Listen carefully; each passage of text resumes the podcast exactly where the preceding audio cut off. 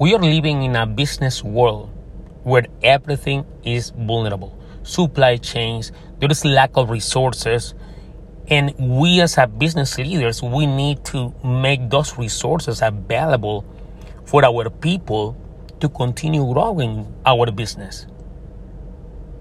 However, I'm going to tell you something that in this time, these are times are crucial for a specific skill that will become in your greatest resource.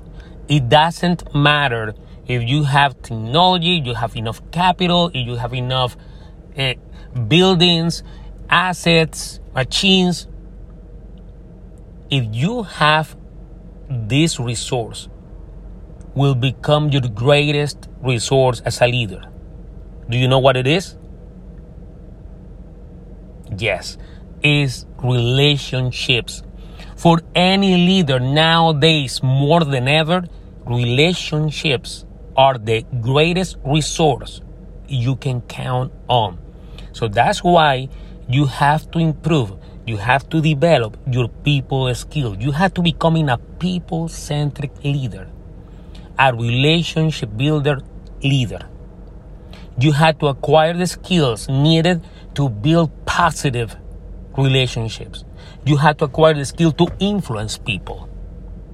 Because at the end of the day, it doesn't matter how much money you have or your business has. It doesn't matter how many machines or what type of technology you have. Remember, things get done through people. And if you have people and you have positive and impactful relationships, you will have the greatest resource that you will ever have. So start today.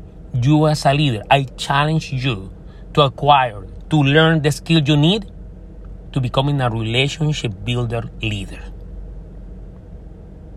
One more time. At the end of the day, your greatest resource as a leader is relationships.